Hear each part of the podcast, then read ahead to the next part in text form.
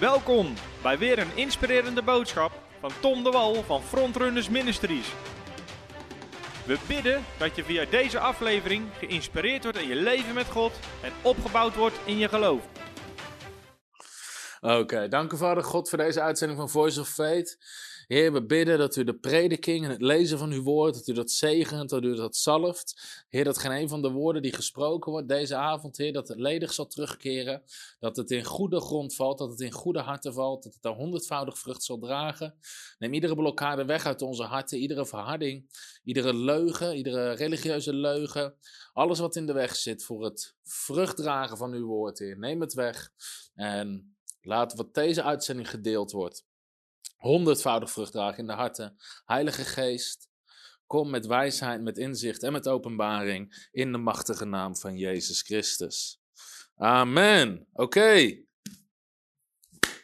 We gaan van start. En ik heb er zin in. We zitten op 70 kijkers. Deel hem nog voor je vrienden. En dit wordt het thema. Stierf Jezus voor onze ziektes. Stierf Jezus voor onze ziektes. En de reden dat ik uh, dit thema weer ga behandelen, is dat mijn boek Jezus aanraken. 25.000 exemplaren waren op. Waren helemaal uit, ik, ik wil wat zeggen uitverkocht, maar we geven ze gratis weg. Dus ik denk niet dat je dan uitverkocht kan zijn. In ieder geval, ze waren allemaal op. Allemaal weggegeven. De, enorm veel mensen bleven bestellen. Dus we hebben besloten om 10.000 nieuwe te bestellen. Die zijn binnengekomen vorige week. Deze week gaan we, zijn we alle bestellingen weer aan het verwerken. Dus als je het boek nog niet hebt, bestel het. Lees het. Bouw je geloof. Het gaat je zo enorm zegenen. En we krijgen zoveel getuigenissen daaruit terug. En en tegelijkertijd, ondanks dat we dus enorm veel mensen kunnen bereiken met deze boodschap over genezing, zijn er twee dingen. Ten eerste dat de duivel doet er alles aan om deze boodschap van genezing en van dit evangelie van Jezus Christus tegen te houden, tegen te werken en te bekritiseren, zodat mensen niet geloven.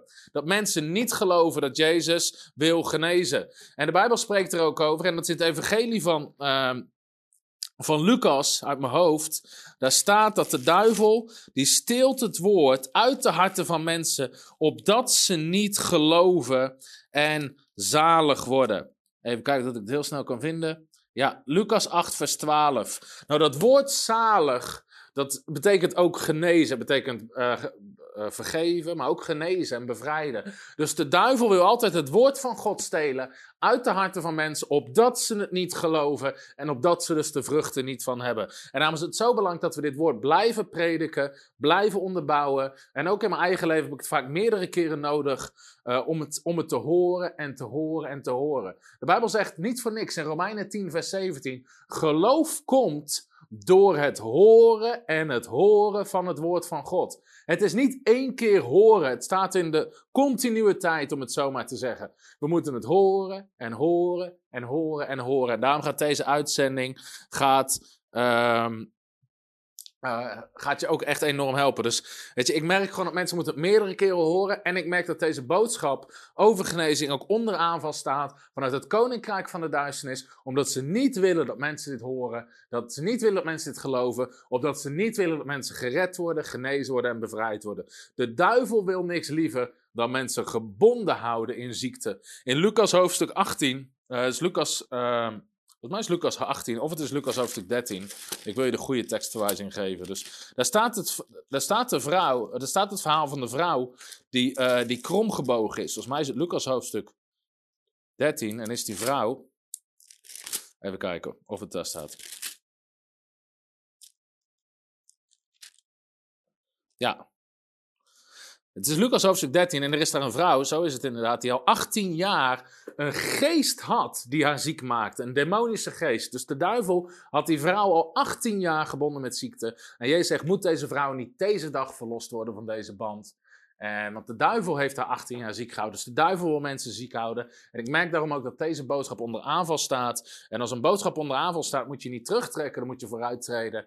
En gewoon blijven prediken wat het woord van God zegt. Dus dit gaat je echt enorm zegenen. En vanavond wil ik deze kernvraag beantwoorden. Stierf Jezus voor onze ziektes? De offerdood, de kruisdood van Jezus. Toen Jezus stierf aan het kruis, is hij toen ook gestorven om onze ziekte te genezen. En deze vraag is eigenlijk de kern van de genezingsdoctrine. Het is het centrum van de genezingsdoctrine. En er, zijn ook, er is altijd een groep theologen en een groep mensen die zeggen: nee, toen Jezus stierf aan het kruis, en als de Bijbel zegt hij heeft onze ziekte gedragen, dan is dat symbolisch. Dat staat voor de ziekte in onze ziel, de ziekte in onze geest. Het staat symbool voor zonde. Daarvoor is Jezus gestorven aan het kruis. Maar je mag niet denken dat Jezus ook fysiek voor alle ziekte aan het kruis betaald heeft. En dat is best wel een groot gedachtegoed die bij heel veel mensen heerst. En waarom is dit nou de kern van de genezingstheologie? Dat is eigenlijk. Als, hier komt het op neer. Als Jezus niet gestorven is voor onze ziekte aan het kruis, dat betekent dat je kan zeggen dat genezing alleen voor de tijd van Jezus was, of alleen voor de tijd van handelingen, uh, of dat genezing soeverein is in de hand van God en God kiest wie hij wel en niet geneest. Al die dingen kan je prima onderbouwen als je gelooft dat genezing niet onderdeel is van de kruisdood van Jezus. Jezus daar de prijs niet voor heeft betaald.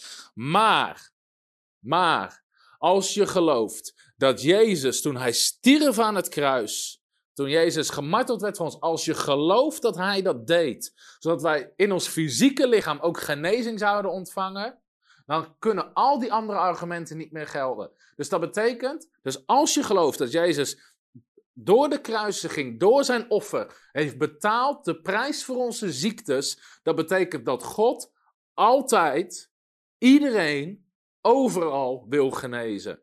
Want Jezus is gestorven voor onze zonde. Dus God wil altijd mensen redden. Dus niet de vraag: wil God iemand wel of niet redden? God bepaalt. Nee, als iemand de Heer aanroept, wordt hij gered. Dus God wil altijd redden. God wil iedereen redden. De Bijbel zegt: God wil niet dat iemand verloren gaat. God wil dat alle mensen komen tot kennis van de zaligheid. En God wil overal mensen redden. In Afrika, in Amerika, in Europa, in Azië, Midden-Oosten, overal willen mensen gered worden.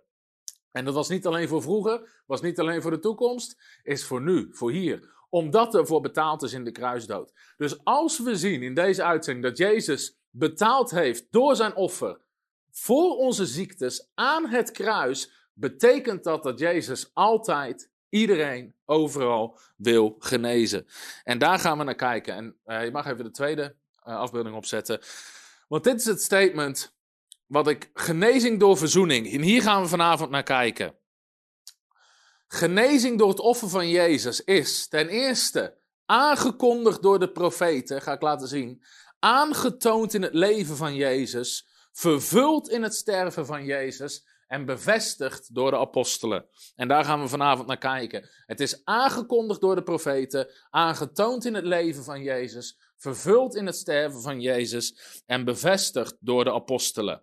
Nou, nogmaals, waarom is dit belangrijk? Omdat er een grote groep mensen en ook theologen, bijbelgeleerden, uh, blijft, die blijft onderbouwen dat het, als de Bijbel zegt dat Jezus stierf voor onze ziektes, dan zeggen mensen, maar dat was geestelijk, dat was symbolisch, dat gaat over de ziekte van de ziel, dat gaat over zonde, Daarvoor is Jezus gestorven, maar niet voor in fysieke ziektes. Dus daarom gaan we kijken naar wat zegt de Bijbel er echt over. En ik hoop ook dat je deze uitzending kan sturen naar mensen om ze hiermee te bemoedigen en ze te zegenen. Nou, we gaan kijken. Ten eerste, het is geprofeteerd door de profeten. En dan gaan we eens kijken naar de bekende profetie uit Jezaja, hoofdstuk 53. En dan gaan we lezen vers 3 tot en met uh, eh, 5. Dat is het bekende tekst. Jezaja 53, vers 3 tot en met 5. Hij, dit spreekt over de Messias, over de leidende dienstknecht, over Jezus. Hij was veracht, hij werd afgewezen. De onwaardigste onder de mensen. Een man van smarten, bekend met ziekte. En als iemand voor wie men het gezicht verbergt. Jezus was niet om aan te zien toen hij stierf aan het kruis. Zo verminkt, zo, zo erg was die kruisdood. Hij was veracht en wij hebben hem niet geacht. En dan staat er dit: Voorwaar, onze ziekten heeft hij op zich genomen.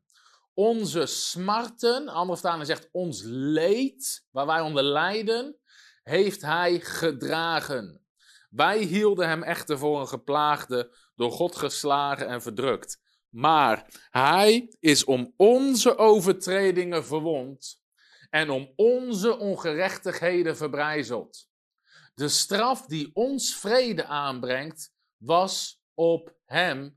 En door zijn striemen is er voor ons genezing gekomen. Oké. Wat staat hier? Jezus was bekend met ziekte. Hij heeft onze ziekte heeft hij op zich genomen. Onze smarten, ons leed heeft hij gedragen. En door zijn striemen is er voor ons genezing gekomen. Nu is de grote vraag, als we deze tekst lezen, is de allergrootste vraag: is dit symbolisch en geestelijk? Is het een verwijzing naar zonde? Of spreekt het over fysieke ziektes in ons fysieke aardse lichaam? Dat is de vraag waar het allemaal om draait. En mensen die niet geloven in genezing of die tegen genezing zijn, zullen zeggen het is symbolisch. Het spreekt over zonde. En de zonde, daar hebben ze altijd een hele mooie naam voor. ziekte is de, is de zonde, of zonde is de ziekte van de ziel. En de ziekte van de geest, en dat wil God genezen, zodat je gered wordt en naar de hemel gaat. En in de hemel wordt uiteindelijk iedereen genezen. Nou, het klopt zo dat in de hemel iedereen gezond is. Maar de kernvraag is, toen Jezus hier stierf aan het kruis, was hij toen, uh, gaat het over fysieke ziekte? Waar gaat het over? Nou, in de volgende afbeelding heb ik um, het woord ziekte. Dus de Bijbel zegt, onze ziektes heeft hij op zich genomen. Dat was vers, even kijken, dat was vers 4. Onze ziekte heeft hij op zich genomen. Dit woord ziekte, ja, die mag, je mag die opzetten. Dit woord ziekte komt 24 keer voor in de Bijbel. Dus dit exact dezelfde woord ziekte in het Oude Testament, in het Hebreeuws, als de Bijbel zegt hij heeft onze ziekte gedragen, komt 24 keer voor in de Bijbel. En het betekent iedere keer fysiek ziek zijn. In je lichaam ziek zijn. Ziekte hebben. Lichamelijk ziek zijn. Dus de Bijbel zegt in Deuteronomium 7, vers 15: De Heere zal alle ziekte van u weren, en geen van de verschrikkelijke kwalen van Egypte, die u hebt leren kennen, zal hij u opleggen, maar hij zal ze geven aan alle die u haten. Dus hier zegt de Bijbel: De Heere zal alle ziekte van u weren. En geen van de verschrikkelijke. En dat is hetzelfde woord ziekte. Dus nu is de vraag: als mensen zeggen Jezaja 53 ziektes is geestelijk, dan moet je ook zeggen dat God geestelijke ziektes over Egypte liet komen met de plagen. En er waren waarschijnlijk ook geestelijke kikkers en geestelijke sprinkhanen. En het was allemaal geestelijk. Dan moet je dat consequent toepassen. Moet je zeggen, ja, maar dan is dat ook geestelijk. Of je moet zeggen, nee, dat waren fysieke plagen, die zijn echt gebeurd. Maar dat betekent dat Jezus ook fysiek voor onze ziekte is gestorven. Jezaja 38, vers 9. Dat is nog, ik heb een aantal voorbeeldteksten even. Dat gaat over de koning Hiskia. Dit is het geschrift van Hiskia, de koning van Juda. Toen hij ziek geweest is en van zijn ziekte genezen was. Nou, was, Jeza, was Hiskia, was die geestelijk ziek? En voelde hij zich geestelijk aangevallen? Of was hij gewoon fysiek ziek in zijn lichaam? Nou, iedereen die het verhaal kent van Hiskia, weet dat hij fysiek ziek was in zijn lichaam. 1 Koningen 17, vers 17. Het gebeurde na deze dagen dat de zoon van de vrouw, de vrouw des huizes, ziek werd. Zijn ziekte was zeer ernstig, tot er geen adem in hem overbleef. Dus die jongen stierf. Nou, ging deze jongen geestelijk dood in dit verhaal in 1 Koningen 17? Of ging die jongen fysiek dood? Hij ging fysiek dood. Hij leed aan ziekte en die ziekte zorgde ervoor dat hij stierf. En later genas de profeet hem weer.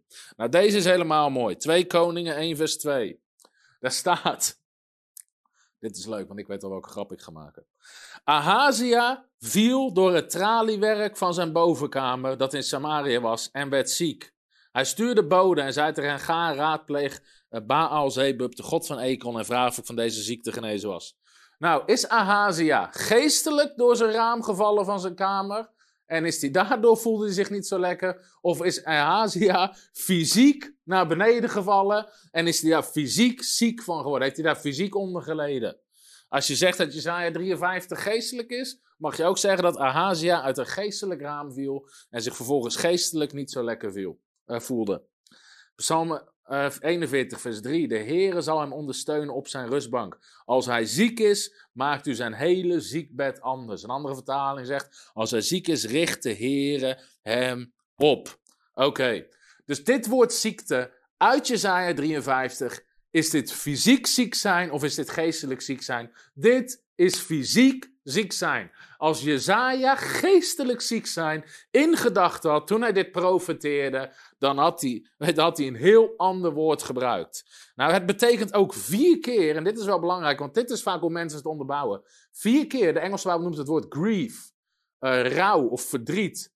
Dit woord ziek zijn wordt ook vier keer verdriet genoemd in de, in de Bijbel, maar dat is twee keer uit deze tekst in Jesaja 53. Dus in twee andere gevallen betekent het rouw of verdriet. Maar als je die gevallen opzoekt, gaat het over rouw of verdriet hebben vanwege fysieke ziektes. Dus, ik weet niet, hebben we daar een dia van? Jeremia 6 vers 7? Ja. Het woord rouw of verdriet of grief in het Engels, er staat bijvoorbeeld in Jeremia, en die profeteerde de ballingschap. En je mag heel even de afbeelding weghalen. Jezaja, of sorry, Mozes had al geprofiteerd in Deuteronomie 28 dat als het volk niet gehoorzaam was, dat ze weggevoerd zouden worden in ballingschap en dat, en dat de ziekte zou komen. Kan je lezen, was onderdeel van de vloek. En hier profiteert Jeremia over. Die profiteert over de belegering van de stad. En dan zegt hij: Zoals een bron zijn water opwelt, zo zo welt haar, hij, zij haar slechtheid op. Geweld en verwoesting wordt in haar gehoord. Voor mijn aangezicht is voortdurend ziekte en plaag. Dat is dat woord. En het was zo, omdat er heel veel honger was, etc. was er gewoon fysieke ziekte en een fysieke plaag. Jeremia 10, vers 19.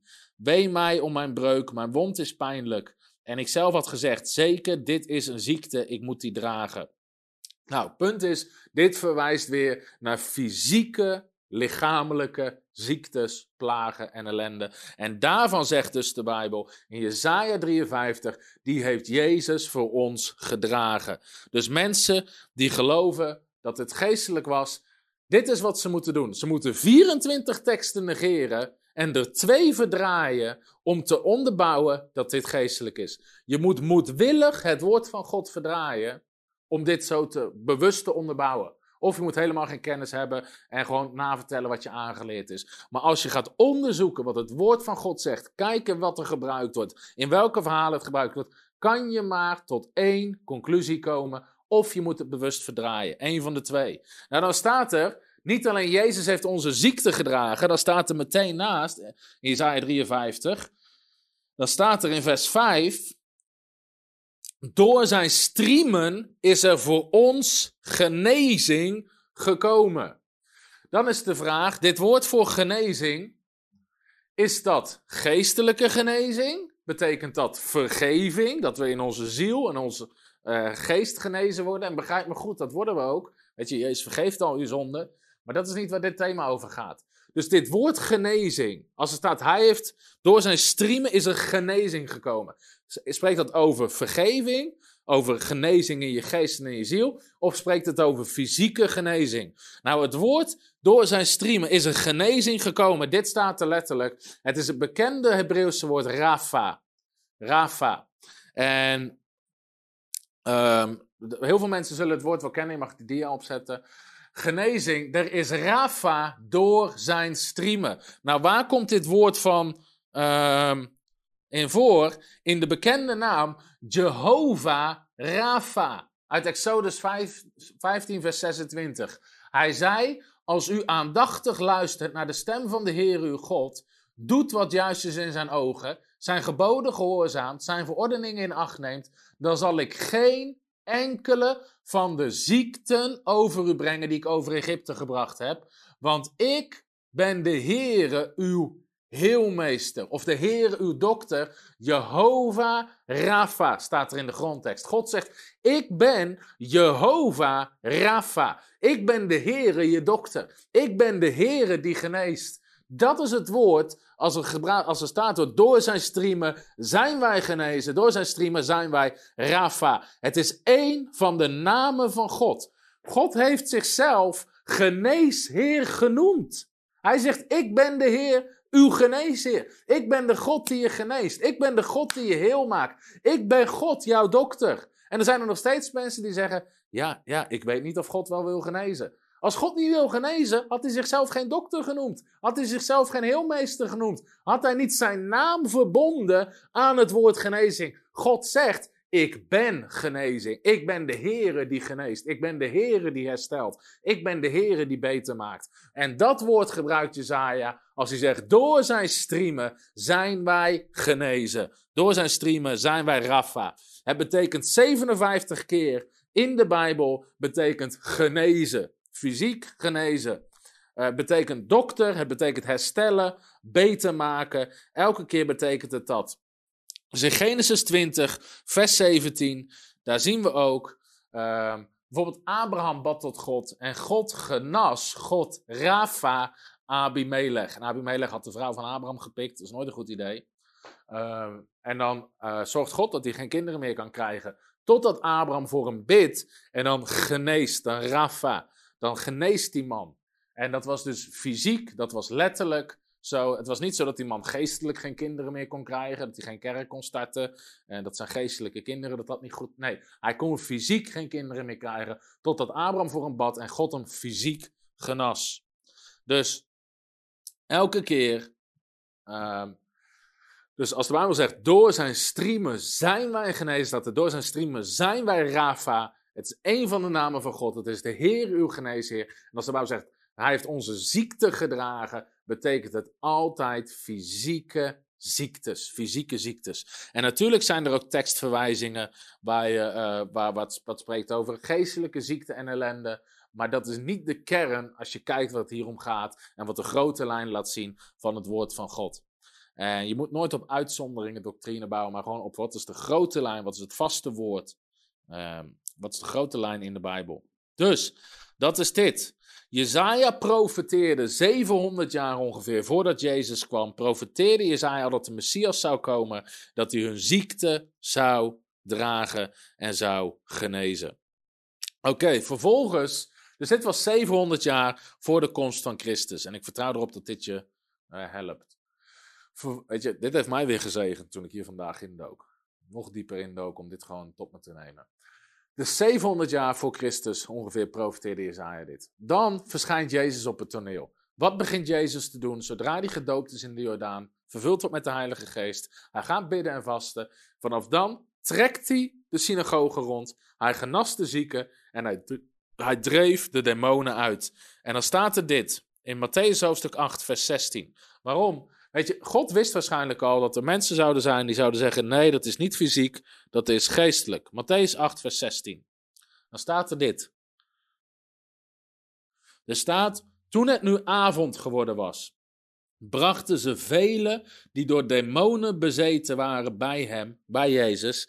En hij dreef de boze geesten uit met een enkel woord. En hij genas allen die er slecht aan toe waren opdat vervuld werd wat gesproken was door de profeet Jezaja toen hij zei: Hij heeft onze zwakheden op zich genomen en onze ziekte gedragen. Oké. Nou, God wist waarschijnlijk al dat er mensen zouden zijn die zouden zeggen: Ja, maar het is geestelijk en het is allemaal uh, de ziekte in de ziel en de ziekte in de geest. En het spreekt profetisch over zonde. God wist al dat er mensen zouden zijn die dat zouden zeggen. Dus even voor de zekerheid is er nog bij een genezingsverhaal gezet. Bij Jezus fysiek mensen geneest. Weet je, sommige mensen zeggen ja, maar Jezus genas mensen die geestelijk ziek waren.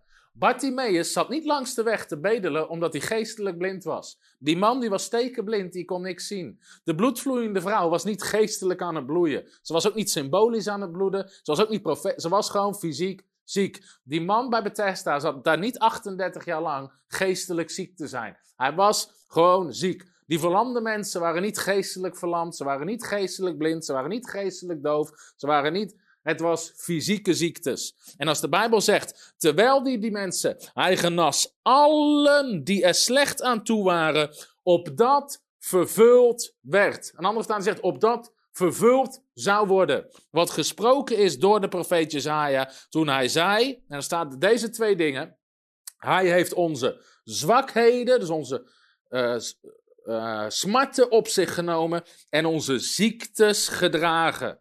Oké, dit woord zwakheden. Dan is weer de vraag: is dit fysiek of is dit geestelijk? En dan staat er dit, als het woord zwakheden in de evangelie. Weer een aantal voorbeelden. Want ik wil je gewoon laten zien dat je, uh, hier hebben we een dia van, dat dit, uh, dat als je kijkt, als de Bijbel zegt, hij heeft onze zwakheden gedragen of op zich genomen. Dat woord zwakheden, is dat, zijn dat fysieke, lichamelijke zwakheden of zijn dat uh, geestelijke? Lucas 5, vers 15. Vele scharen betekent niet een schaar die in je bureau ligt naast het potlood. Dat betekent vele menigtes, vele mensen stroomden samen om, en dan staat er, zich te laten genezen van hun ziektes of van hun zwakheden. Dat is hetzelfde woord. Uh, Lucas 8, vers 2. Dat spreekt over de vrouwen die genezen waren van boze geesten en van hun ziektes. Lucas 13, deze heb ik al gelezen. Er was een vrouw die reeds 18 jaar een geest, een demonische geest van zwakheid had. Maar Jezus heeft daarvoor uh, betaald. Daarom zegt Jezus tegen haar: Vrouw, gij zijt verlost van uw zwakheid. Nou, was die vrouw al 18 jaar geestelijk kromgebogen? Of was ze fysiek kromgebogen? Ze was fysiek kromgebogen. De Joden probeerden Jezus niet naar dat verhaal te stenigen omdat iemand geestelijk genezen had. Nee, iedereen zag het wonder gebeuren. Het gebeurde voor hun ogen. Johannes 5, vers 5. Er was een man die 38 jaar lang ziek geweest was. Die in zwakheid zat, staat er letterlijk. Die in zijn zwakheid geweest was.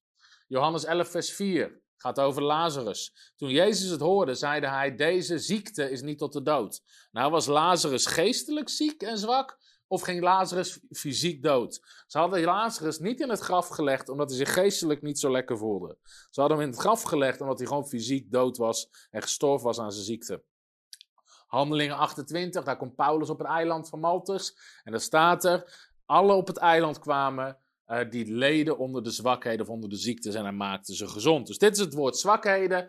Iedere keer als dit woord zwakheden gebruikt wordt in het Nieuwe Testament, gaat het over fysieke zwakheden. En, je en nogmaals, Matthäus zegt dus: al die mensen die Jezus genas, is een vervulling, is de vervulling van de profetie dat de Messias zou genezen. Dan heb je het woord ziektes. Want er staat, hij heeft onze zwakheden op zich genomen en onze ziektes gedragen.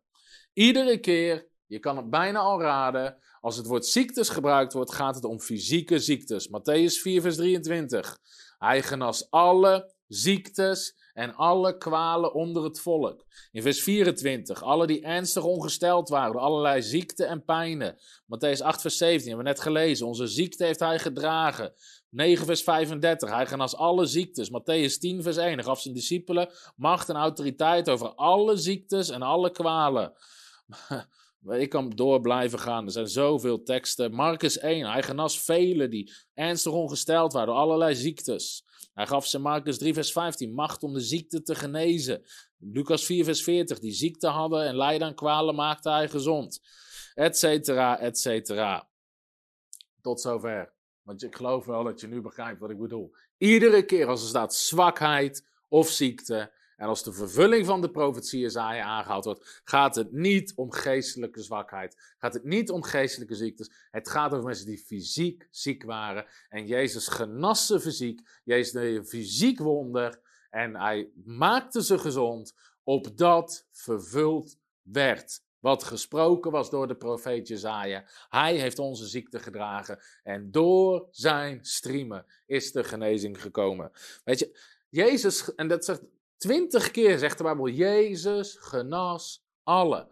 Dus het is de wil van God dat iedereen genezen wordt. Waarom zien we dat niet altijd? Dat is een andere vraag. Dat is ook een ander thema. Daar heb ik ook laatst twee preken van online gezet. Maar die twee dingen moet je eens even los van elkaar koppelen. Eerst je theologie goed op orde. Eerst weten wat je gelooft, waarom je gelooft. En daarna ga je er naartoe werken in de praktijk. Maar je gaat niet je theologie bouwen op jouw levenservaring. Nee, je gaat je theologie bouwen op wat het woord van God zegt. Niet op wat jij hebt ervaren. Niet van ik heb een keer voor iemand gebeden, die is niet genezen. Weet je, wij allemaal. Maar dat verandert niet wat het woord van God zegt. Jezus genas iedereen. Jezus hoeft er niet na te denken. Weet je, in Marcus hoofdstuk 1 komt die laatste man. Hij zegt, Heer, als u het wil, kan u mij genezen. Er staat niet dat Jezus 60 dagen nog een keer ging bidden en vasten om erachter te komen wat de wil van God was voor die man. Meteen zei Jezus, ik wil het, word gezond. En de man werd genezen van zijn melaatsheid. Matthäus hoofdstuk 8, er komt de hoofdman, die zegt, heer, mijn knecht ligt ziek thuis. Jezus zegt niet, geef me even een week, ik ga een week bidden, dan kom ik bij je terug en dan hoor je of het de wil van God is. Jezus zei meteen, ik zal komen en hem genezen. Jezus hoefde niet te bidden over wat de wil van God was, want hij kende de wil van God. Hij weet dat God mensen gezond wil hebben, want de naam van God is Jehovah Rapha. Dus, Matthäus hoofdstuk 8, vers 16 en 17 toont letterlijk aan dat het gaat over fysieke genezing. En dat de profetie van Jezaja niet spreekt over geestelijke genezing. Want dan had Matthäus het niet aangehaald als Jezus letterlijk fysieke ziektes aan het genezen is. Oké, vervolgens de vervulling. Nou, Jezus heeft ook letterlijk fysiek in zijn lichaam die ziekte, die pijn, die ellende gedragen. Matthäus 27, vers 26. Daar staat dit. En hij liet Barabbas voor hen los. En nadat hij Jezus gegezeld had, gaf hij hem over om gekruisigd te worden. Nou, als de Bijbel zegt, door zijn striemen bent u genezen.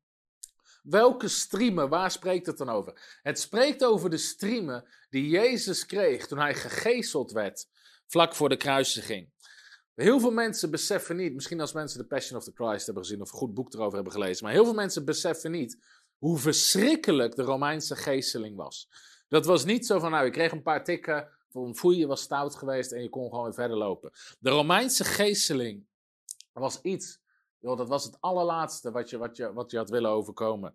En dat gunde je ernstig vijanden niet. Want wat ze deden was, ze kleden je helemaal uit, Jezus werd helemaal naakt.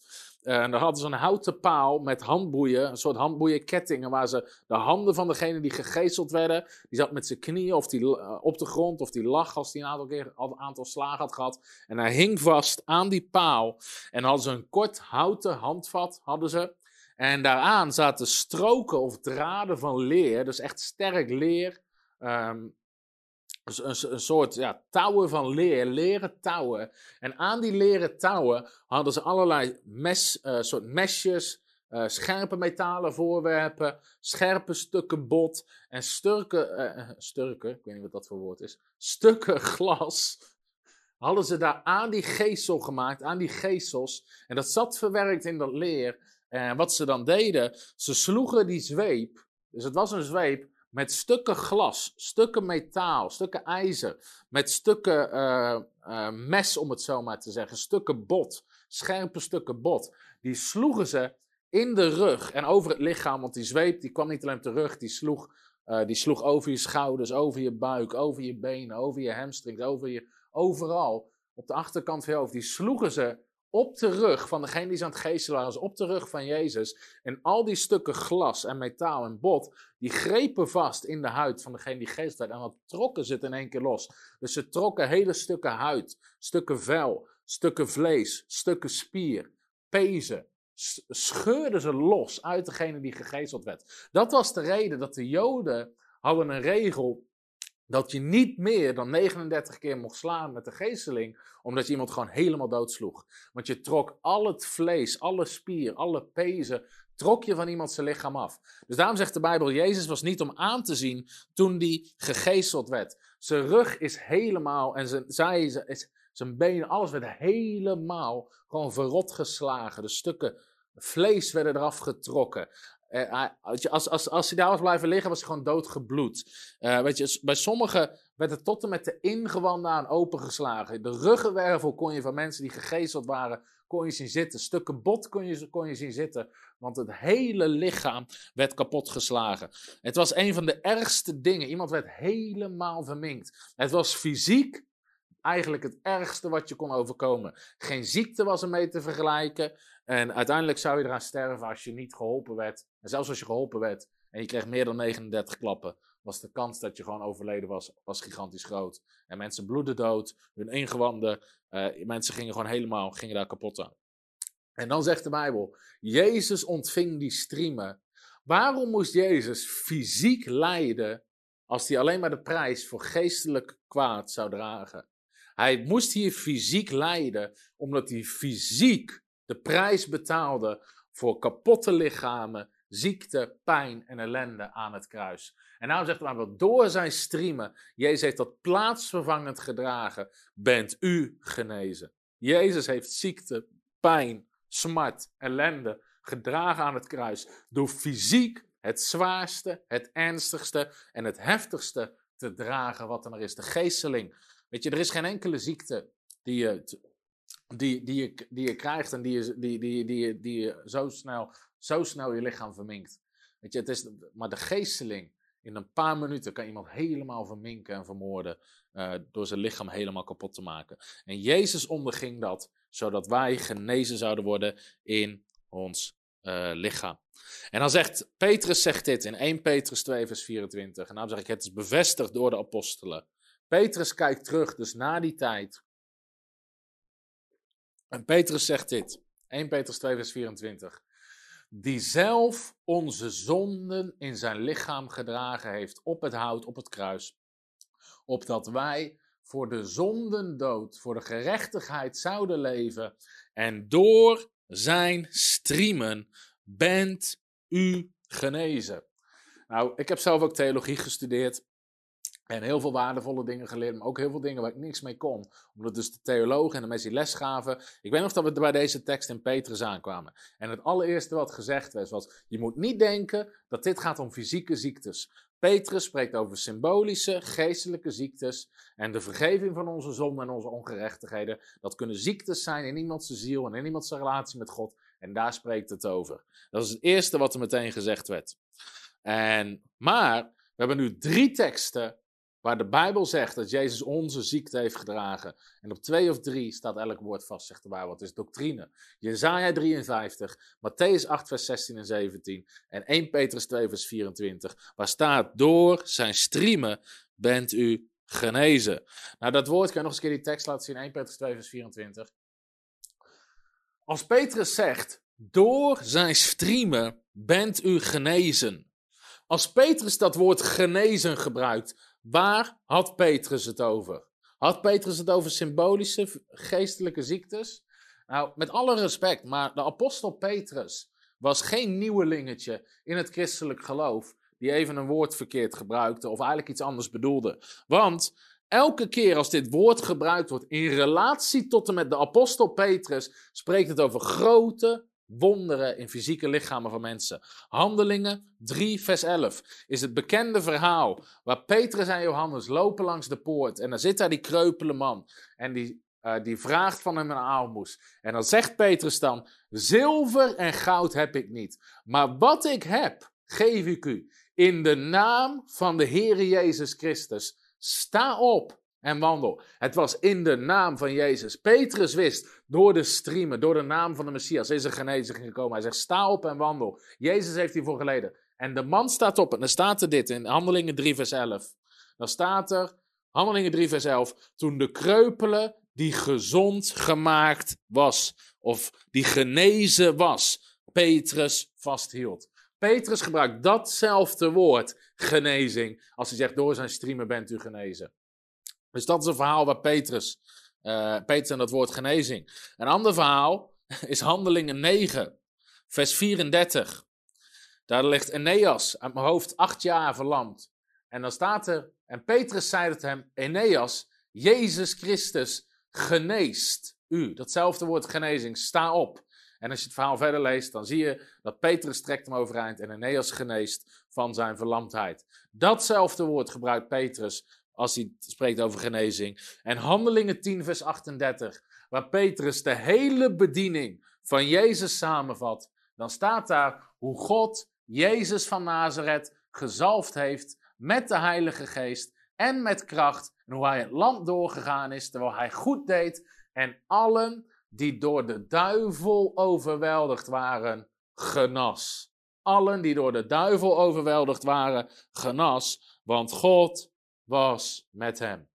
Dus drie keer, de drie keer dat Petrus uh, Dit, alleen dit woord genezing komt al drie keer voor met Petrus. En iedere keer dat Petrus het gebruikt, gaat het om fysieke genezing, grote wonderen. En zelfs één keer om het hele verlossingswerk van Jezus samen te vatten. Als hij zegt, Jezus genas. Hij maakte al die mensen gezond.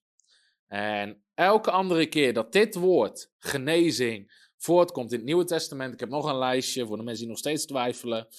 Dit is een heel lang lijstje, dus mag je thuis mag je even op pauze zetten. Uh, achteraf en dan kan je gewoon eens eens doorlezen. Maar al die teksten zijn ook in mijn boek Jezus aanraken. Hier zijn niet eens te lezen, zo klein is het. Iedere keer staat er: spreek slechts een woord en mijn knecht zal herstellen of zal genezen zijn. Hetzelfde woord. Het geschieden naar uw geloof en zijn knecht genas op dat moment. Haar dochter was genezen vanaf dat ogenblik. Ogenblik. Zij merkte aan haar lichaam dat ze van haar kwaal genezen was. De kracht van de Heer was er om hen te genezen, et cetera, et cetera. Eigenlijk iedere keer dat dit woord gebruikt wordt in het Nieuwe Testament, op een paar uitzonderingen na, spreekt het over fysieke, lichamelijke genezing. Dus, als Petrus niet had gewild dat mensen dachten dat hij bedoelde dat Jezus fysiek wou genezen, had hij echt wel een ander woord weten te gebruiken. Hetzelfde geldt voor Jezaja en dan had Matthäus het helemaal weggelaten. Dus iedere keer staat dat ervoor.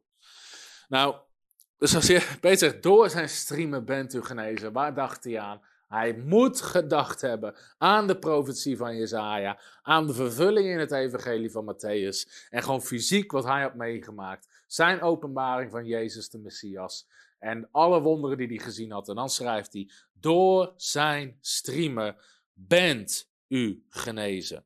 Bent u genezen. Dus dat is mooi. Jezaja zegt, de Messias gaat u genezen. Dan zegt Matthäus, het is aan het vervuld worden.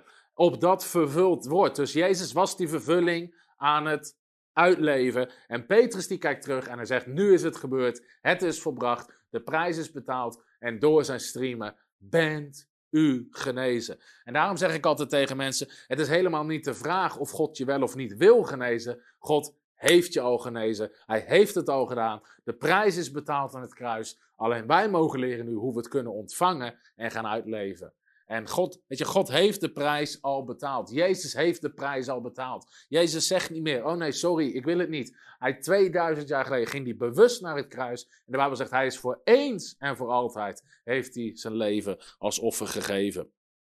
Dus het was geprofeteerd en aangekondigd door de profeten, gedemonstreerd in het leven van Jezus, vervuld door de kruisdood van Jezus en bevestigd door, uh, door de apostelen. De apostelen die zeiden, door zijn streamen bent u genezen. Dus ik hoop, en ik, ik heb nog wat om te delen, omdat dit heeft ermee te maken. Ik hoop dat dit je gewoon helpt. Dat als, als je ooit iemand hoort zeggen: dit is, dit is geestelijk, dit is symbolisch. Dat je meteen aan deze preek moet denken, meteen aan dit woord moet denken, meteen aan deze woordstudie moet denken.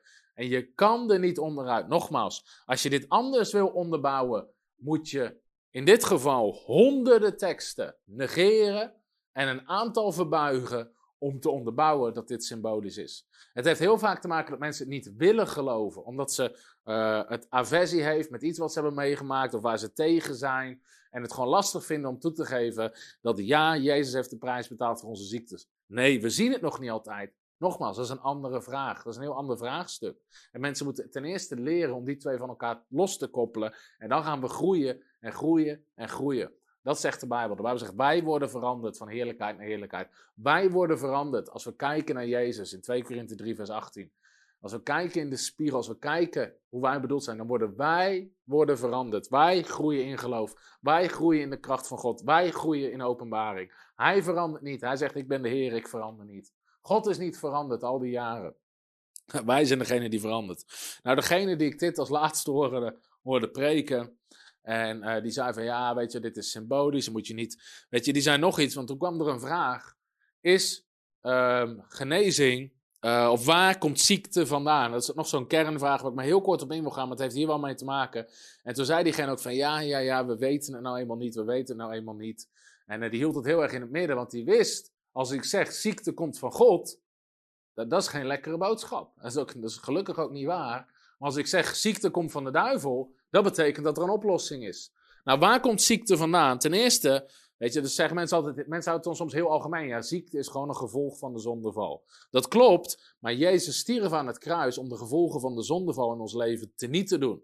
Daarom zegt er bij in Romeinen 6, de zonde zal niet langer over u heersen. Maar er staat ook dit, in Psalm 103, en dat is al een profetische verwijzing. De Heere die al uw ongerechtigheden vergeeft en die al uw ziekte geneest. Dus als het gaat om de gevolgen van de zondeval, zowel onze ongerechtigheden, onze zonden, als onze ziektes, daar zegt de Bijbel van, al onze ongerechtigheden vergeeft hij en al onze ziekte geneest hij. Nogmaals, als je hier vragen over hebt, kan je ze zo meteen stellen en dan ga ik ze beantwoorden. Dus Zelfs als mensen zeggen, maar het is gewoon een gevolg van de zondeval. Dat klopt, ziekte is een gevolg van de zondeval, maar God heeft daar een oplossing voor. Ten eerste kan het zo zijn dat ziekte, en weet je, wat kwam er door de zondeval? Kwam de vloek op de aarde. En met dat de vloek kwam, kwam ook dingen zoals tekort, armoede en ziekte. Maar dit staat er over de vloek. Je mag hem even laten zien. Eh, in Deuteronomium 28 lezen we bijvoorbeeld wat de vloek is. En dan staat er in het eerste gedeelte, dat is uit mijn hoofd, vers 1 tot en met 13 of 14, staat er: God zal je zegenen, je vijanden verslaan, en zal de hemelsluizen openen. Uh, al die dingen meer, dan gaat God je zegenen. Maar er staat er ook: als u niet gehoorzaam bent aan God en afwijkt van zijn geboden, dan zal er ziekte komen. Koorts, ontsteking, tering, zweren, gezwellen, uitslag, schurft, ongeneeslijke ziektes, krankzinnigheid, blindheid. En vers 61 van Deuteronomium 28 zegt, en iedere andere ziekte. Iedere andere ziekte. Dus het gevolg was onder het oude verbond, laat me dat daar, onder het oude verbond, als ongehoorzaamheid aan God, ontrok je van de zegen en zette je de deur open voor de vloek en voor ziekte en ellende en de ballingschap en al die dingen ook gebeurden. Dus ja, ziekte is een gevolg van de vloek. Maar wat is nou het goede nieuws? Ten eerste, kijk, sommige mensen zeggen ja, ja, ja. Weet je, dus God wilde dat. Nee. Even twee teksten over de vloek. Deuteronomium 11 en Deuteronomium 30. God had nooit de vloek bestemd voor zijn kinderen. God zegt in Deuteronomium 11: Zie, ik houd u zegen en vloek voor. Dus God zegt: Ik hou u ze allebei voor. Jij mag kiezen. De zegen als u luistert naar de geboden die ik u gebied. De vloek als u niet luistert en afwijkt. Dan zegt God dit in Deuteronomium 30, vers 19. Ik roep de hemel en de aarde tot getuigen tegen u. Het leven en de dood heb ik u voorgehouden. De zegen en de vloek. En God zegt, kies dan het leven. Opdat u leeft en uw nageslacht. Door de Heer uw God lief te hebben, zijn stem te gehoorzamen en aan hem vast te houden. Want hij is uw leven en de verlenging van uw dagen. Dus God wil je niet alleen genezen, hij wil dat je oud wordt. Dus God zegt: kies alsjeblieft het leven, kies de zegen, dat is mijn plan. En de zegen dat altijd in Gods plan. Dus ook de gevolgen van de vloek heeft Jezus mij afgerekend aan het kruis. Daarom staat er dit in Galaten hoofdstuk 3, aan mijn hoofd is vers 13. Galaten 3, daar komt hij, vers 13 of 14, vers 13. Dus als mensen zeggen, ja, maar ziekte is een gevolg van de vloek, Galaten 3, vers 13.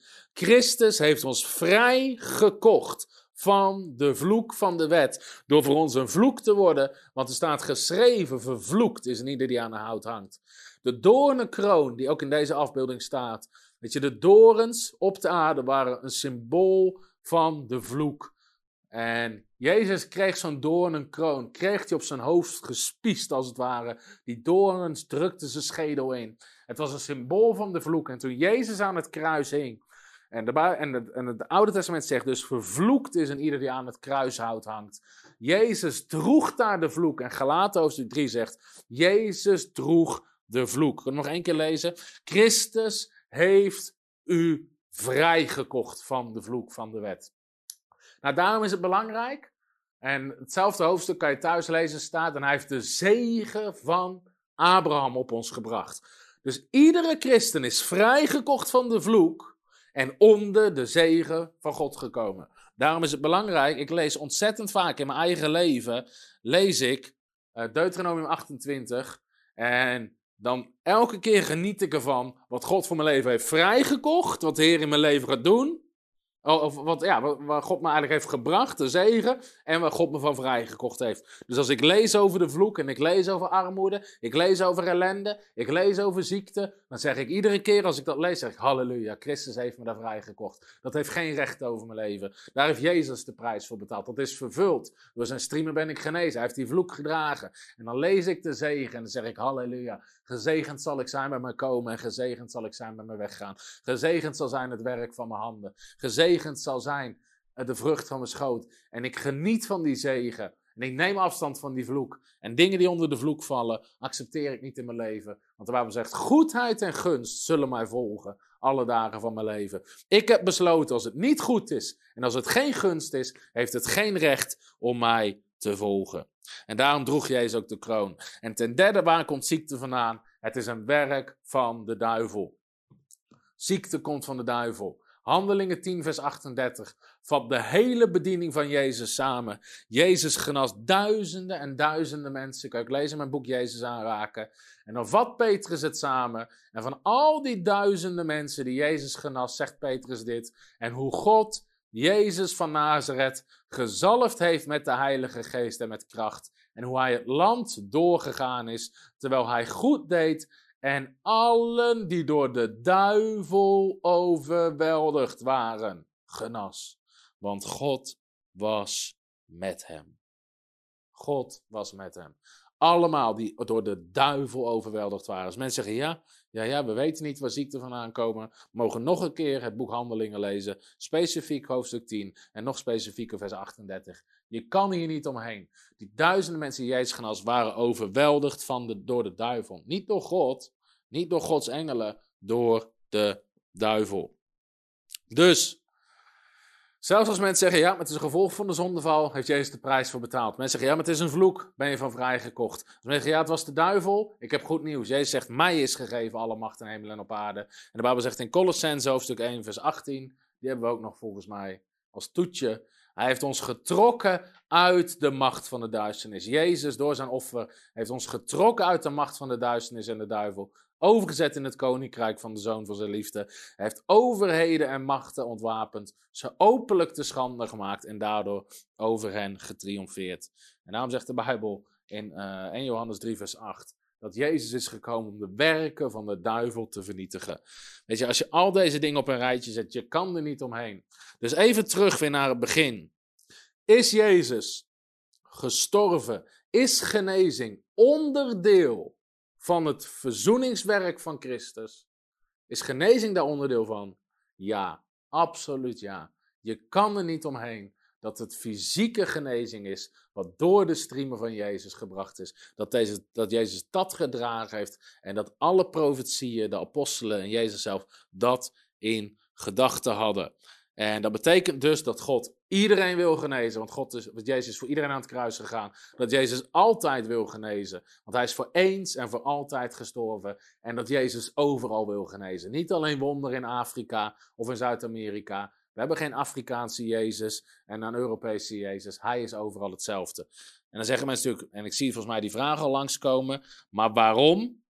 Um, nou, een van de redenen, en daar ga ik dus in die andere preek ook bij, heeft gewoon heel simpel te maken met we moeten dit gaan prediken. Want we hebben gezegd, geloof komt door het horen van het woord. En het probleem is, dit is niet gepredikt, dus mensen kennen het niet. Er is sterker nog tegen gepredikt, dus mensen geloven het niet. En hoe ontvang je wat God belooft? Dat ontvang je als je het gelooft. En dus daarom is dit dus gewoon het eerste, uh, en dit is een van de getuigenissen uit mijn boek Jezus aanraken. Daar staat dit. We hebben zoveel mensen zien genezen als we predikten dat genezing onderdeel is van het verlossingswerk van Jezus. Nog voordat iemand voor deze mensen bad, ontstonden deze genezingen al door een eigen geloof. Er was een mevrouw Clara Rubert uit Ohio. Ze was blind aan één oog, omdat de spieren van dat oog losgescheurd waren. Al het gevoel en zicht was uit haar oog. Ze kon met haar vinger in haar oog prikken zonder iets te voelen. Deze mevrouw hoorde in een preek dat genezing onderdeel was van verzoening. En ze zei in haar hart: Als dat waar is, en het is waar omdat de Bijbel het zegt, dan ga ik naar voren, naar het altaar, om mijn genezing te ontvangen. Met hetzelfde geloof dat ik jaren geleden in mijn hart had om vergeving te ontvangen. En met deze logica ging ze naar voren, ze bad zelf tot God en God genas haar. En ze kon perfect zien en was van alles hersteld. Dus hier zie je hoe iemand gewoon zijn geloof daaraan hecht. En daarom, en ik zeg altijd, weet je, daarom zegt we, we kunnen groeien in geloof. En dit is helemaal niet een vraag van, oh, je zegt dat we niet genoeg geloof hebben. Weet je, het hele lichaam van Christus, de kerk wereldwijd, mag hierin gaan groeien. En ik geef altijd het hele simpele voorbeeld. Als we een evangelisatiecampagne doen en er zitten duizend mensen in de zaal en ik doe een oproep, als je niet gered bent, joh, dat je zonde vergeven wordt, je wil Jezus accepteren als Heer en Verlosser, gedoopt worden en weet je, kom dan naar voren, dan gaan we dat regelen en dan komen 400 mensen naar voren, denkt iedereen halleluja. En ons geloof, we weten zeker, die mensen worden gered. Want ze geven hun leven aan Jezus, hun zonden worden vergeven, bedopen in water. Ze zijn een nieuwe schepping. We weten het zeker, dat is ons geloof. Ons geloof zegt meteen halleluja. Maar nu als we een genezingsdienst doen met duizend mensen. En ik zeg kom naar voren en we gaan de zieken genezen. Weet je, en je ziet mensen met krukken en in rolstoelen en blinden zie je naar voren. En je ziet mensen op lichtmatten naar voren gedragen worden. Dan denken we helemaal niet halleluja. Dan denken we, oh nee, ik hoop, dat, oh, ik, ik, hoop dat er iets gaat gebeuren. En dat zeggen we ook in veel kerken. Weet je, we gaan bidden voor de zieken. En ja, we, we, gaan kijken wat er gebeurt. Geloven is niet kijken wat er gebeurt. Geloven is weten wat er gebeurt. Hebreeën 11 vers 1 zegt, geloof is de zekerheid van de dingen die we niet zien. Het is zeker weten. Dus ons geloof mag groeien totdat we zeker weten waar Jezus de prijs voor heeft betaald en wat er gebeurt. En dat is gewoon een groeiproces waar we in zitten met z'n allen. En ik zie hier een vraag, dat is ook een hele goeie. En ik ga hier denk ik een uitzending over doen, Joline. Wij worden vaak geconfronteerd met het feit dat de brieven naar handelingen bijna niks over genezing gezegd wordt. En daarom zeggen mensen, het was voor het begin van de gemeente om het evangelie kracht bij te zetten. Hoe zou je dit zien en wat zou je antwoord zijn? Nou, ten eerste, het is heel simpel. De brieven na het boek Handelingen zeggen inderdaad relatief weinig over genezing.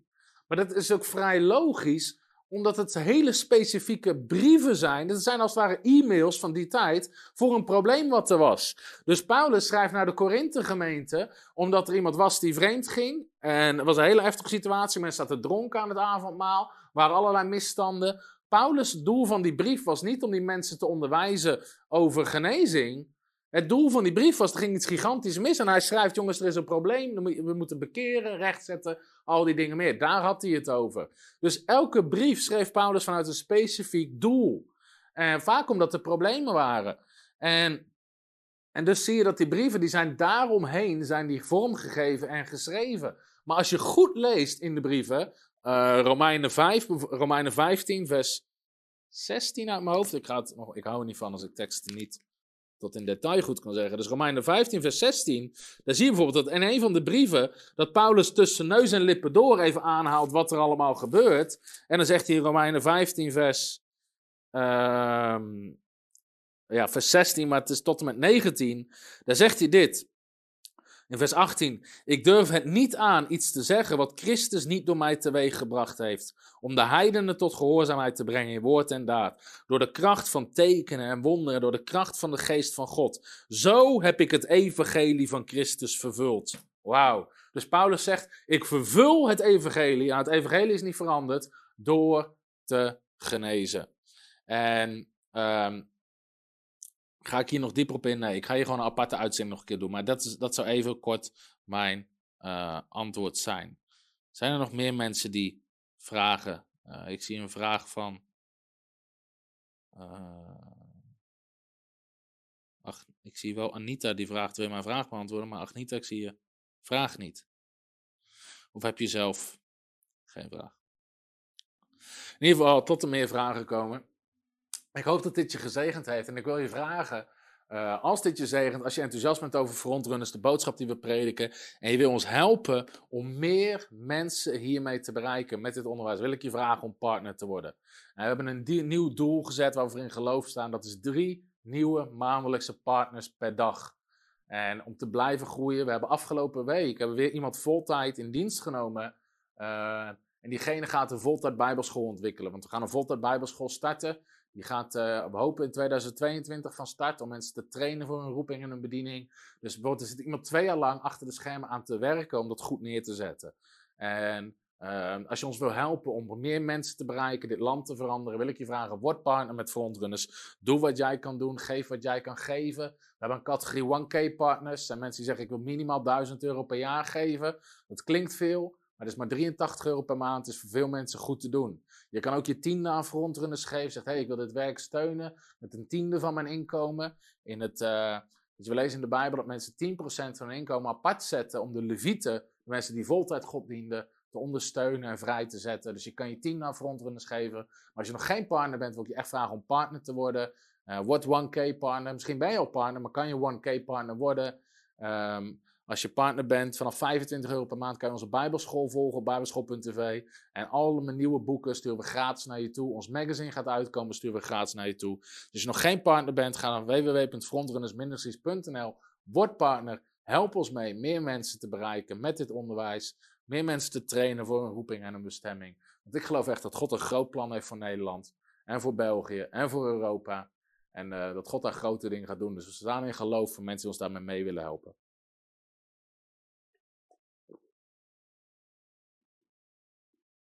Even kijken, ik ga nog een. Uh, uh, de vraag van Johnny is: er komen soms gedachten van ongeloof als je naar je natuurlijke symptomen kijkt. Dat klopt. Daarom zegt er bij in Romeinen hoofdstuk 4 dat Abraham lette niet op zijn eigen lichaam. En, dus, en dat is best wel lastig, omdat ik zeg altijd: alles predikt tegen je. Als je ziek bent, voel je dat in je lichaam en dat predikt tegen je. Dus ik wil je echt uitdagen, al moet je honderd keer het verhaal van Dodi Osteen lezen in mijn boek Jezus aanraken. Dat is zo'n ontzettende zegen, want het gaat over rauw geloof. En de dokters gaven haar twee weken om te leven. Ze voelde kanker in haar lichaam. Ze voelde dat het hele lichaam verkankerd was. Maar te midden daarvan zei ze: Door uw streamen ben ik genezen. En ze ging daarop staan. Het was een hele heftige strijd, ook van haar. Eh, om daar geloof doorheen te breken. Volgens mij is ze die, diagnose in 1978 gekregen, dat ze nog twee weken te leven had. Haar hele lichaam was verkankerd, maar vandaag de dag leeft ze nog steeds en ze is kerngezond, omdat ze leert om haar geloof te gebruiken, dwars tegen haar natuurlijke zintuig heen. Ik zeg niet dat het makkelijk is, um, maar er zijn wel sleutels voor. Dus let niet op je eigen lichaam. Zorg dat het woord van God een grote realiteit wordt dan je natuurlijke omstandigheden. Maar lees dat getuigenis. Het gaat je echt helpen. Er staan hele concrete sleutels in. Inderdaad, als mensen onze Bijbelschool willen volgen, dankjewel Daniel. Vanaf januari staat weer een parttime Bijbelschool. Meld je aan, kom hier naartoe. En we gaan echt een geweldige tijd hebben. We hebben inmiddels 400 studenten getraind, of zijn we aan het trainen. En je ziet levensveranderende getuigenissen binnenkomen. Als jij een ondernemer bent, of je kent christelijke ondernemers, kom naar de Frontrunners Kingdom Business School. We geloven dat ondernemerschap een roeping is van God. En het is een voorrecht om mensen daarin te trainen. Dus wil ik je ook van harte voor uitnodigen.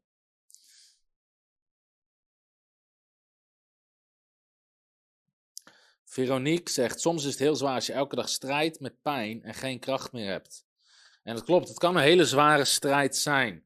Maar blijf je vullen met het woord van God. En blijf ook het woord van God spreken over je situatie. En weet je, de Bijbel zegt: laat de zwakken zeggen: Ik ben sterk. En bid in tongentaal, bid in de geest, wees in de aanwezigheid van God. Want de Bijbel zegt in Isaiah 40, volgens mij is het vers 31, weet je wel. Zij die de Heeren verwachten, putten nieuwe kracht. En ze zullen rennen en niet moe worden. Ze zullen rennen en niet struikelen. Weet je, als je in de tegenwoordigheid van God komt, in de kracht van God komt, dan put je nieuwe kracht. En, weet je, en daar, in de aanwezigheid van God, daar bouw je jezelf op. Wouter stelt een hele goede vraag. Wouter Hoogstraat. Als Jezus voor onze ziekte heeft geleden en is gestorven, is dat dan voor iedereen of alleen voor de wedergeboren mensen? Dat recht, dus ik geloof dat genezing is een recht. Uh, en sommigen zeggen, maar je kan toch niet claimen van God? Je claimt niks van God, God wil het gaan geven.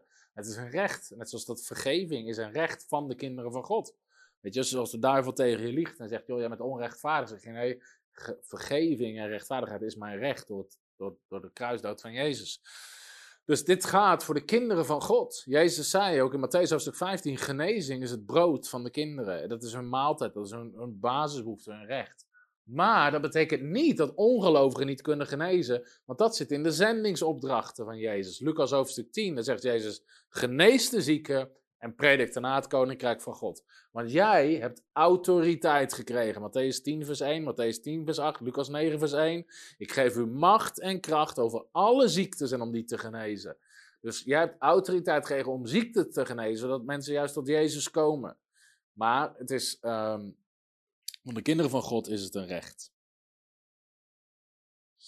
Ik denk dat ik de meeste vragen beantwoord word,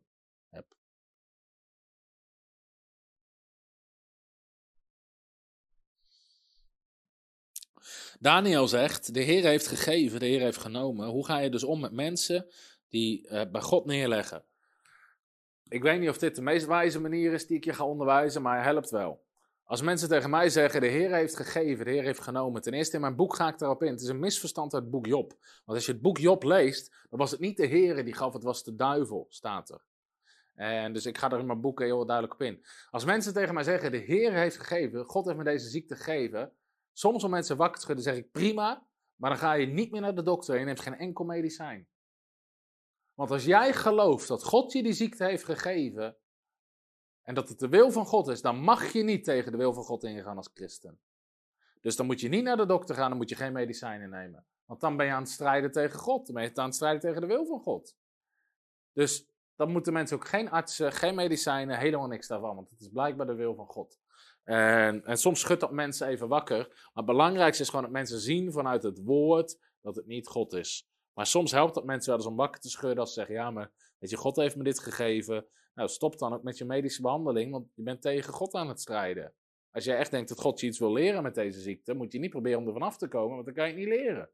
Dus soms is dat nodig om mensen even wakker te schudden.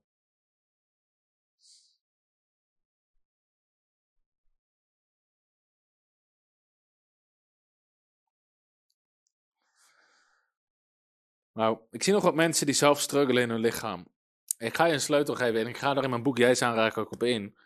Um, mijn grootste sleutel is meditatie. En ik heb daar een, we hebben een hele preek die heet uh, Gods woord als medicijn of zo. Even kijken. Die heet toch zo? Even kijken. Gods woord als medicijn. Gods woord als medicijn gebruiken. Er staat een hele preek op YouTube op ons kanaal. Gods woord als medicijn gebruiken. Als je trouwens niet geabonneerd bent, ga meteen naar YouTube toe, abonneer je, want je krijgt zoveel onderwijs. Uh, de Bijbel zegt in Spreuken hoofdstuk 4 dat een woord is het medicijn voor een hele lichaam. De kunst is, weet je, ik, ik schrijf in mijn boek over de gave van geloof. En ik heb de indruk dat mensen dat stuk niet helemaal pakken. De gave van geloof is perfect geloof wat God je geeft. Alleen je komt daar alleen maar als je gaat wandelen in je eigen geloof. En als je gaat zeggen, ik ga staan in geloof voor genezing, wat het, ook, wat het woord ook zegt, en dan begin je te mediteren op die tekst. Bijvoorbeeld alleen maar Matthäus, of alleen maar Jezaja 53. Zo ben ik zelf ook een keer genezen van iets. En het was iets waar ik van genas, wat niet, e-, was geen ernstige ziekte zoals kanker, maar het was wel iets waar ik onder leed. En dan kan je ook denken, ja, wil God dit wel genezen? Het is toch niet zo ernstig. En allemaal van die leugens. Maar toen ging ik op Jezaja 53 mediteren. En, en ik las die tekst tien keer, twintig keer. Ik sprak hem uit tegen mezelf. Ik ging erover nadenken. En alles waar we... Hij heeft ons leed gedragen, ons leed. En in één keer, toen ik dat... Wel dertig keer, in één keer was daar een openbaring. Alles waar ik onder leid, heeft hij gedragen. En met dat die openbaring komt, koppel ik daar mijn geloof en zeg ik, Heer, dit is het, dit ontvang ik. En is daar de kracht van God en dan breekt het van je af. Want dan is daar geloof. En zodra er geloof is, breekt het van je af. Een andere keer, toen was ik zeer ernstig geblesseerd. En ik kon amper ademen, deed ontzettend pijn. En ik hoorde een prediker preken en het ging over uh, 2 Korinthe 2. Kijk hoor.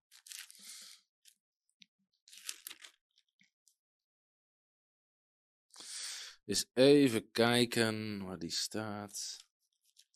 2 Korinthe. 2 Korinthe 2 vers 14. God zij dank die ons, die ons in Christus altijd doet triomferen. Altijd doet overwinnen. En die prediker die las die tekst al tien of twintig keer. God doet ons altijd overwinnen, altijd overwinnen, altijd overwinnen. En ik was al een, een aantal weken aan het strijden tegen die ziekte. En ik las en ik hoorde die preek. En ik hoorde het en ik hoorde het. En in één keer was dat geen hoofdkennis meer, maar was het openbaring. En ik zei, God doet me altijd, altijd. Ik begon na te zeggen, altijd, altijd. En er ontstond iets in mijn hart. Ik zei, altijd, altijd. Ik win ook deze keer, ik win altijd. En met dat, ik, met dat het geloof komt, of met dat die openbaar komt, hecht ik mijn geloof eraan. Het was de gaaf van geloof en die ziekte viel vanaf. In één moment was ik genezen waar ik al weken mee liep. Omdat in één keer was daar het geloof. En in één keer was daar die gave van geloof toen ik mediteerde op het woord van God. Dus je hebt soms niet heel veel teksten nodig, je hebt maar één openbaring nodig. En in één keer ontstaat er iets en daar hecht je je geloof aan. En dat gaat je helpen om uh, te genezen. Even kijken.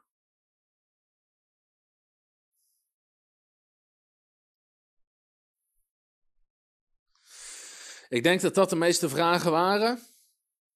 En Jeannette vraagt: waarom sterven baby's en kinderen?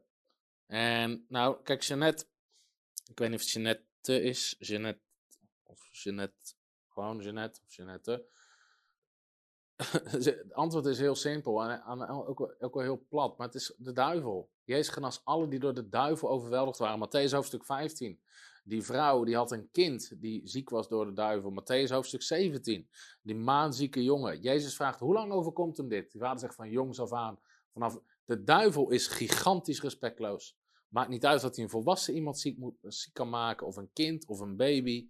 Weet je, de, duivel, het is de duivel die het doet. En wij hebben er autoriteit over. Dus sommigen zeggen, waarom staat God dat toe? De vraag is, waarom staat de kerk er toe? Jezus zegt, ik geef jullie autoriteit om alle ziekte te genezen. Dus Lucas hoofdstuk, als Lucas hoofdstuk 10. Ja, sommigen zeggen, maar waarom staat God dat dan toe? Nee, wij staan er toe. En ik weet dat het hard klinkt. Wij staan er toe. Uh, Lucas hoofdstuk 9 is het, denk ik. Of het is Matthäus. Maar daar staat. Uh, Lucas 9. Ja. Nee, ik ga Matthäus doen, die is krachtiger. Matthäus 10, vers 8. We hebben hier een cameraatje.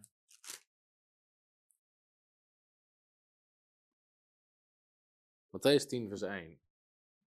Kijk. Daar staat, hij riep zijn twaalf discipelen bij zich en hij gaf hun macht, dus autoriteit, over onreine geesten om die uit te drijven en over iedere ziekte en elke kwaal te genezen. Iedere ziekte en elke kwaal. En in Handelingen hoofdstuk 5, vers 16 lees je dat in de tijd van Handelingen, niet Jezus, de apostelen iedereen genas. Dus de vraag is niet waarom staat God dat toe? Waarom staat God er toe dat kinderen ziek worden? Weet je, waarom staat de kerk er toe? Hij heeft ons autoriteit gegeven over iedere ziekte en elke kwaal. En wij moeten nogmaals ergens komen, punt dat we zeggen, joh, we zitten nog niet waar we moeten zitten. Weet je, en Mensen denken soms dat het makkelijk is voor mij om dit te prediken. En dat is ook wel eens kritiek die ik krijg. Ja, weet je, hij predikt dat mensen niet genoeg geloof hebben. Nou, ten eerste, als je dat zegt, heb je nog nooit mijn preken geluisterd. Ten tweede zeg ik dat we allemaal aan het groeien zijn. Weet je, het is voor mij ook niet makkelijk om altijd handen te leggen op mensen, te geloven voor genezing. En geneest iedereen? Nee. Maar ik ga er niet mee stoppen, ik ga ermee door. Sterker nog, ik ben altijd, je kan het vragen aan de mensen op ons kantoor, ik ben altijd minimaal twee dagen in de week aan het vasten. Voor meer kracht van God op mijn leven. Omdat ik wil zien dat er meer mensen gaan genezen. Omdat ik wil zien dat, dat, dat kinderen niet meer sterven. Dat als we, en we hebben gigantisch veel getuigenissen van wonderen. Uh, maar nog niet zoveel als ik zou willen zien. Want ik wil, weet je, als, als zou het er één zijn, is het nog te veel. 2 Korinthe 3, vers 18. Wij allemaal die met onbedekt gezicht dus het nieuwe verbond, de bedekking is weggehaald. De heerlijkheid van de Heer, dus de heerlijkheid van Jezus. Als in een spiegel aanschouwen, als we naar Jezus kijken, zien we waar we zelf voor gemaakt zijn. Hij was de eerstgeborene. Wij zijn erna gekomen op hem te lijken. Dat zegt uh, Romeinen 8, vers 28. Dat is allemaal geroepen om te worden als de zoon worden van gedaante veranderd naar hetzelfde beeld van heerlijkheid door heerlijkheid, zoals het door de geest van de Heer bewerkt wordt in ons. Dus de geest van God is altijd aan het werk in de christen om ons te vormen dat we worden naar het beeld van de Zoon van God. Jezus, Romeinen 8, je, voor sommige mensen is het heel heftig onderwijs, omdat ze, dit wordt nooit gepredikt in gemeentes. Dus Romeinen 8, vers 28 uit mijn hoofd, nee het is niet 28. Het is uh, eh, 29. Soms zit je er een tekst na. Er staat, van hen die hij van tevoren gekend heeft, dat zijn wij, heeft er ook van tevoren toe bestemd om aan het beeld van zijn zoon gelijkvormig te worden. Hij heeft ons ervoor bestemd om aan het beeld van de Zoon van God gelijkvormig te worden. Om daarop te gaan lijken. En Paulus zegt dus in de Korinthe, de bedekking is weggehaald. We zien Jezus, maar als we Jezus kijken, naar Jezus kijken, zien we als in een spiegel. Want wij zien waar we zelf voor geroepen zijn. Johannes 14, vers 12. Jij zegt, de werken die ik doe, die zal jij ook doen.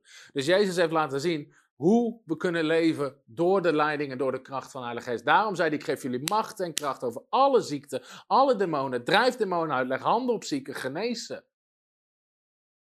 Jij zegt, je zal hetzelfde doen als mij en nog groter. En Paulus zegt, we worden veranderd naar het beeld van, van de Zoon, omdat het is de geest van God die dat in ons bewerkt. Dus de geest van God wil een proces in je leven aangaan, dat je steeds meer op Jezus gaat lijken. Dat je dezelfde resultaten gaat krijgen als Jezus. Dat is waar de geest van God mee bezig is. Dat is wat de geest van God wil doen. En zolang we dat nog niet zien, moeten we niet zeggen, dat ligt aan God. Dat ligt niet aan God, dat ligt aan ons, dat ligt aan mij. Ik zit nog niet waar ik moet zitten. Ik ben nog niet waar ik wil zitten. Ik ben nog niet uitgegroeid. Ik ben nog niet volmaakt. Maar ik ben wel onderweg.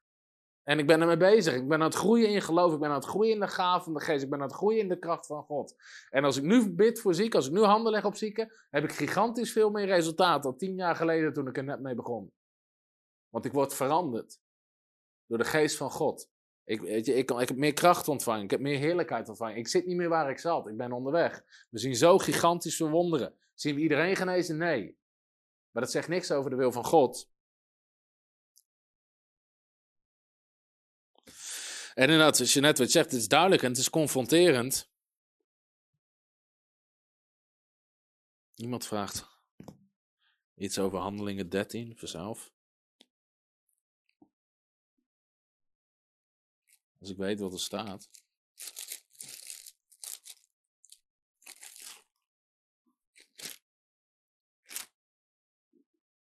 Oh, ik weet het al.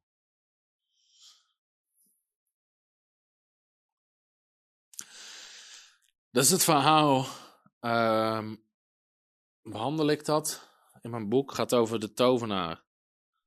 Elimas de tovenaar. Behandel ik dat in mijn boek? Anders moet je echt mijn boek lezen. Genezingsvraagstukken. Ik ben vergeten wat ik in mijn eigen boek heb geschreven.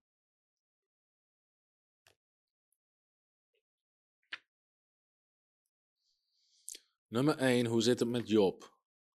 Hoe zit het met Timotheus? Waarom bleef Trofimus ziek achter? Waarom moest Timotheus wijn drinken? Al die dingen behandelen we. Ik denk, ik... Nee, die behandel ik niet. Ik weet al waarom ik dat niet heb gedaan. Ik heb alleen de hoofdvraagstukken behandeld. Oké. Okay. Um, heb jij nog tijd om te blijven? Oké, handeling hoofdstuk 13. Daar lezen we dat Paulus, die uh, vervloekt om het zo maar te zeggen, Elimas de tovenaar, die wil de stadhouder van zijn geloof afhouden. En Elimas wordt blind.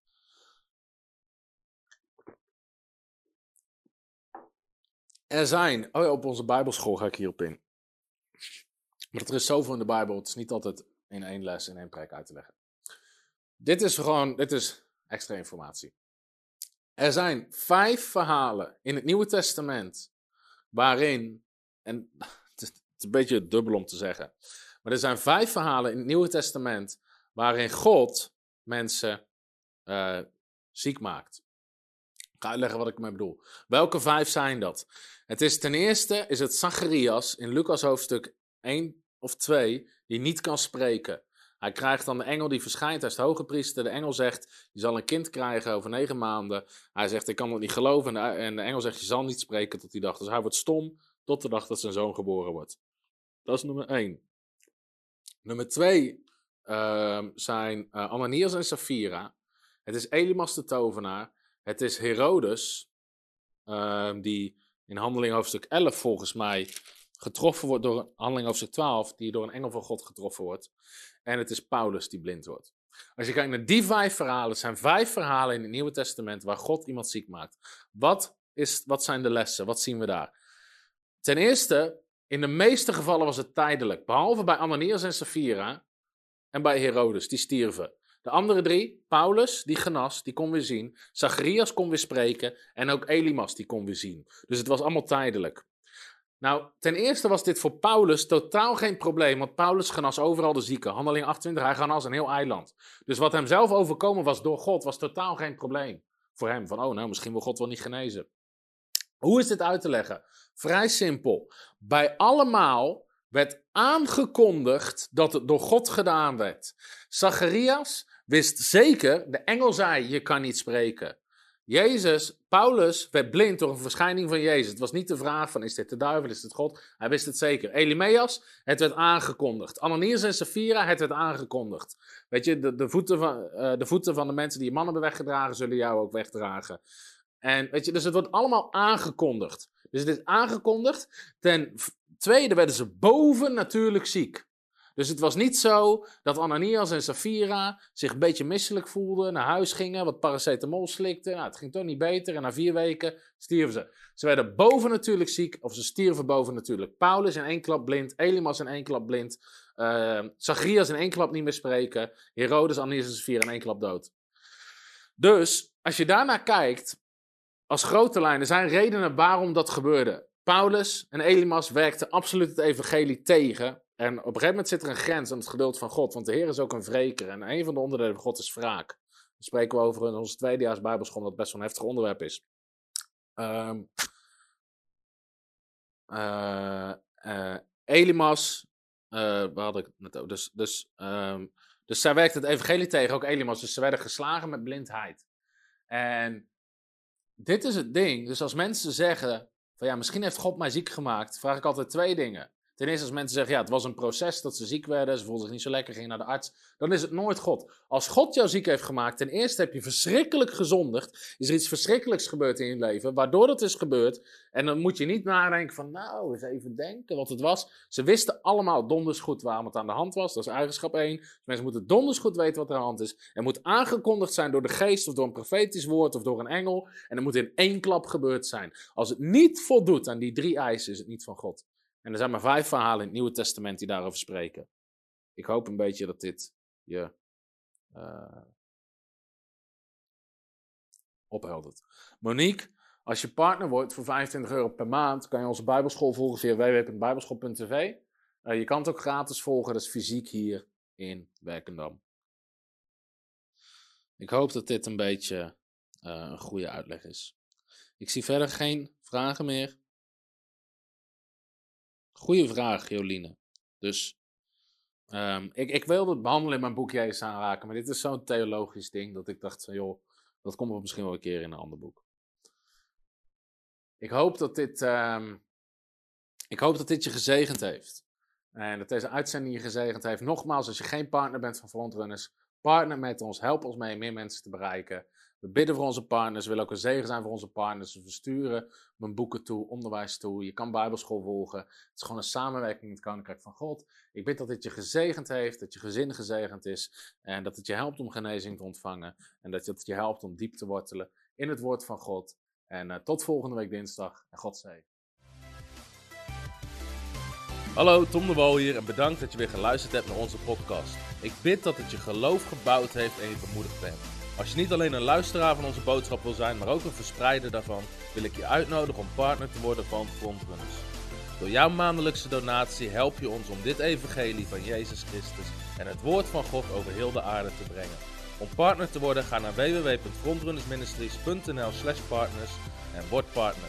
Hartelijk bedankt en tot snel. Heb je ook zo genoten van deze inspirerende boodschap van Tom de Wal? Abonneer je dan op deze podcast. Volg ons op Facebook en op Instagram en kijk op onze website frontrunnersministries.nl.